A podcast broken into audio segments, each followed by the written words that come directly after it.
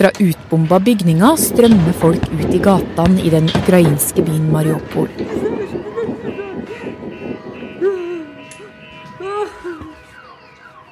Mange er barn, og blant dem er 14 år gamle Anja. Sammen med de andre prøver hun å komme seg ut av den krigsherja byen og vestover. Men ved et russisk checkpoint blir de stoppa og satt på en buss. Og den kjører ikke vestover. Snart sitter Anja i Moskva, med for hun helt nye og ukjente russiske fosterforeldre. Hun er en av over én million ukrainere som har blitt tvangsdeportert til Russland mot sin vilje siden februar. Hva vil Putin med Anja og alle de andre? Svaret skal ta oss tilbake til Sovjet og Josef Stalin sin tid. Jeg tror at denne delen av den russiske krigsstrategien kan bli stående igjen som noe av det aller verste med denne krigen. Jeg er Marit Eriksdatter Gjelland, og du hører på Forklart. I dag med Aftenpostens tidligere Russland-korrespondent og journalist Helene Skjeggestad. Jeg ville ikke dra, men ingen spurte meg. Det sa denne 14-åringen til New York Times, eh, der hun satt hos en fosterfamilie utenfor eh, Moskva. Hun kom da fra den ukrainske byen Mariupol, denne byen som nesten ble jevna med jorda tidligere i år. Eh, og vanlige mennesker som bodde der, de flykta jo hals over hode, barn òg, selvfølgelig. Og mange av disse ble da plukka opp av russiske styrker og sendt videre østover, inn i Russland. Men Helene hun har også en biologisk mamma hjem i Ukraina? Anja er et typisk eh, sårbart barn. Eh, hun er ikke foreldreløs, men hun bodde ikke med mor si, og de hadde bare litt kontakt før krigen brøt ut.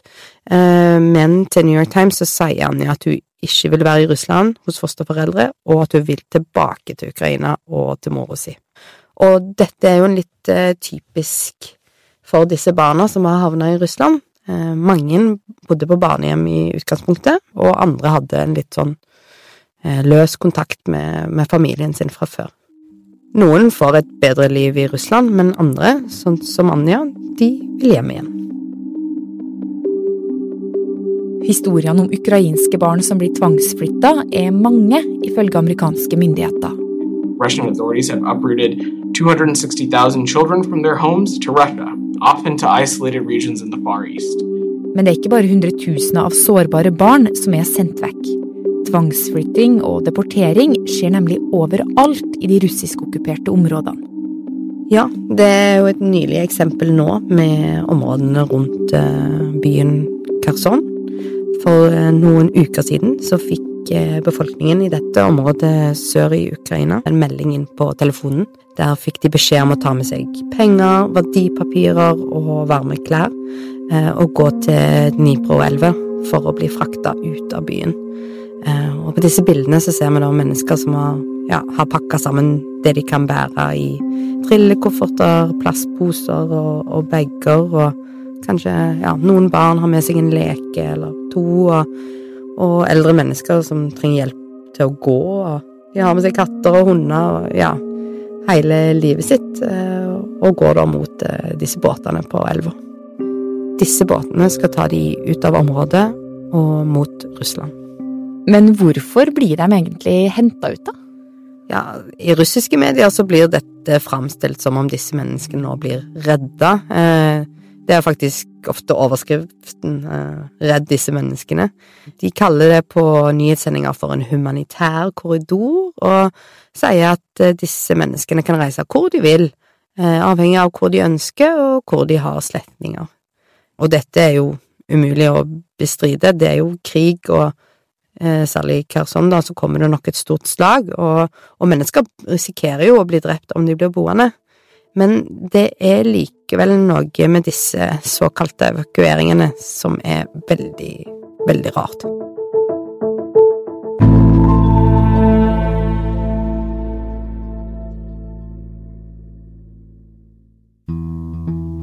Tallene på hvor mange ukrainere som er tvangsdeportert hundrevis av mil til Putins Russland, er litt usikre. Europaparlamentet sier mer enn én million. Men de estimerer også at det kan være snakk om så mange som 2,5 millioner mennesker. De sier òg at antallet stadig øker, og at folk ikke bare blir sendt til Russland, men så langt øst i landet som du kan komme. Altså nesten på andre sida av jorda. Og Helene, vi sier jo også at de her menneskene blir deportert, altså frakta mot sin vilje i hopetall. Men Putin snakker på sin side om nødvendig evakuering.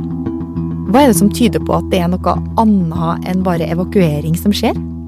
Ja, dette er jo en del av historien om Ukraina-krigen som fremdeles er i sin spede begynnelse, eller vi vet ikke alt.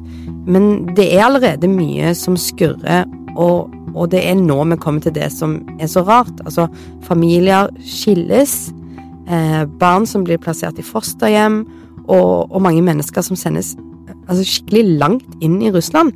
For, og Russland er veldig langt, det er elleve tidssoner, så potensielt er man veldig, veldig langt hjemmefra. Ja, men hva er det som er så rart med det, egentlig?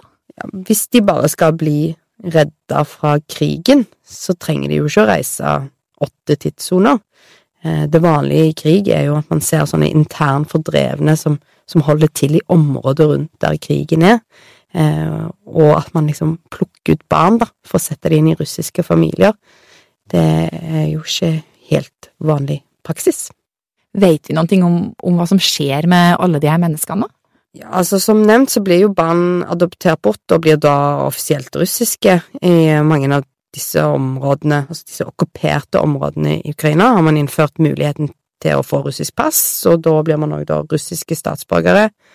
Eh, og det som dette betyr, er jo at disse menneskene blir en del av den russiske presidentens historie om hva som skjer i Ukraina.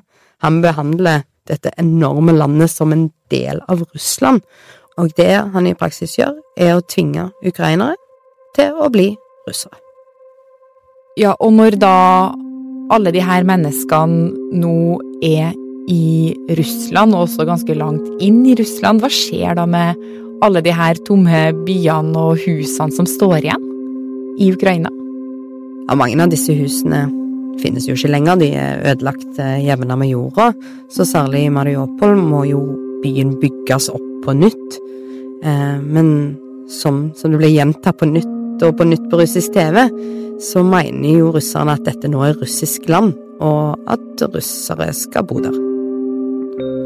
Og det som er viktig å ha med seg, er at dette har faktisk skjedd før i, i russisk historie, eller vi må vel egentlig si sovjetisk historie, eh, og i en tid og under en mann som får de fleste her i Vesten til å grøsse.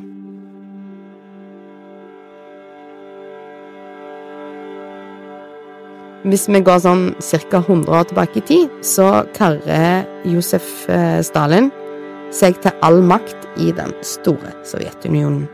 Eh, han styrer denne enorme unionen med jernhånd. Han eh, skalte og valgte med arbeidere og bønder sånn som han vil. Og etter et par år med makta så blir han ekstremt paranoid, og han starter òg en vill jakt etter fiender. Og noe av det han huskes for i dag, er at han forflytter mennesker. Gjerne hele etniske grupper som krimtatarer, polakker, tsjetsjenere og osv. Og, og det var det forskjellige grunner til. Eh, man trengte arbeidskraft på ja, ulike steder i dette enorme landet. Men denne flyttingen av mennesker, altså det vi kaller deportering, hadde òg en annen hensikt. Eh, han ønska å terrorisere og straffe befolkningen, skape frykt, og dermed òg hindre opprør. På hvilken måte da? Hvordan kan det å flytte mennesker hindre uro og opptøyer? Ideologien offisielt under Stalin var at alle som bodde i Sovjetunionen, skulle bli ett sovjetisk folk, et sovjetisk menneske, og alt som heter nasjonalisme og etniske grupperinger, det skulle bare det var ikke viktig lenger, det skulle ikke eksistere. Men det var jo offisielt, og under overflaten så ble denne deporteringen, eller flyttingen av folk, ble jo brukt som terror. han flytta jo familier og grupper som har bodd på et område i generasjoner etter generasjoner, og når man flytter opp og river opp alt, så mister man jo en del av identiteten sin og nettverket og muligheten for å, å ja, organisere seg i et opprør eller i en motstand, da. Og de som blir igjen, de blir jo livredde. Og for eksempel så har det kommet fram mange forferdelige eksempler på hvordan denne tvangsflyttinga ble gjennomført. Um, flere hundre tusen krimtartarer ble forvist fra Krimhalvøya, og ja, halvparten av befolkningen døde i denne deporteringen.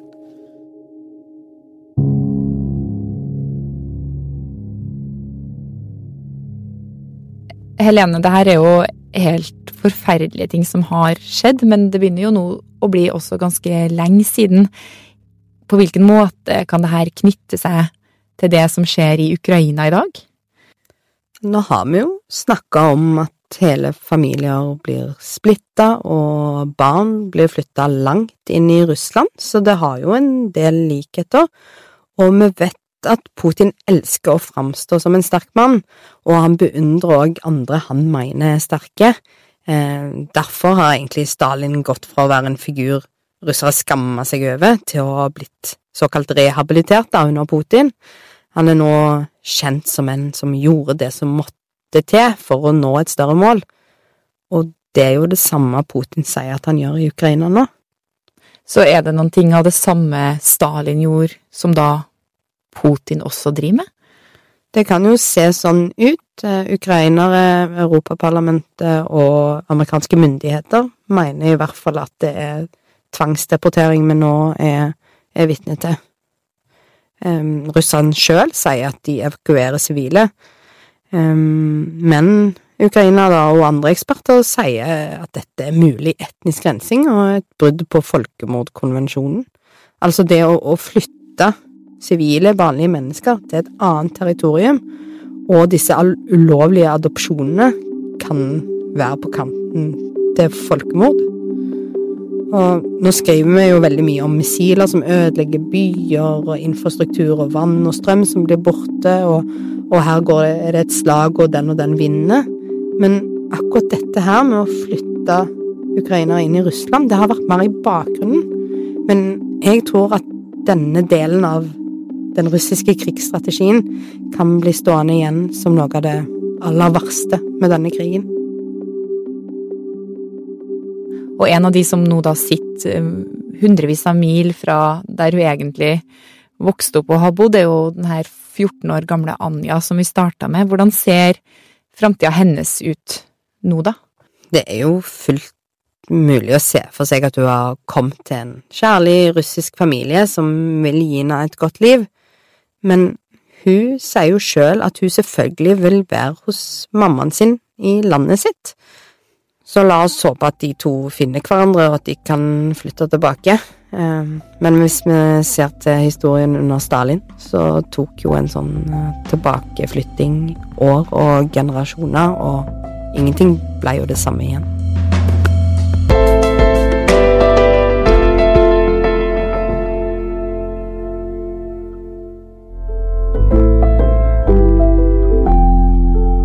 Du har hørt en podkast fra Aftenposten. Helene Skjeggestad er journalist og tidligere Russland-korrespondent, og fortalte om strategien bak deporteringene av over en million ukrainere. Lyden var henta fra nyhetsbyrået AP. Episoden er laga av Fride Næss Nonstad og meg, Marit Eriksdatter Gjelland. Resten av Forklart er Jenny Føland, David Vekoni, Anne Lindholm, Synne Søhol og Anders Sveberg. Jeg er jo ikke slem, jeg. Eh jeg vil bare bygge forståelse mellom kjønnene. Og Nei, altså Før eller senere så vil jo de fleste kvinner vite hva et hetetokt er. Ja. Den der utrolig kjipe varmen som bare poh, eksplosjon. Men menn aner jo ikke hva det går på. Eh, så da spør jeg deg, Kristine. Hvilken mannlig politiker ville du valgt som kunne fått på seg ei lita varmevest en hel dag, og så fått sånn 20-25 hetetokter når som helst i løpet av dagen? Tilfeldig valgt politiker fra meg, Trygve Slagsvold Vedum. Mm. Eh, Bjørnar Moxnes tror jeg kunne hete. det. Er flere menn å velge mellom. Det er mange, Og vi bygger bare forståelse. På med vesten, eh, kjenn midtlivet. Dette og mer til i ukas episode av Førters med meg, Marte Spurkland, Og meg, Kristine Hellesland. på aftenposten.no eller i Podme.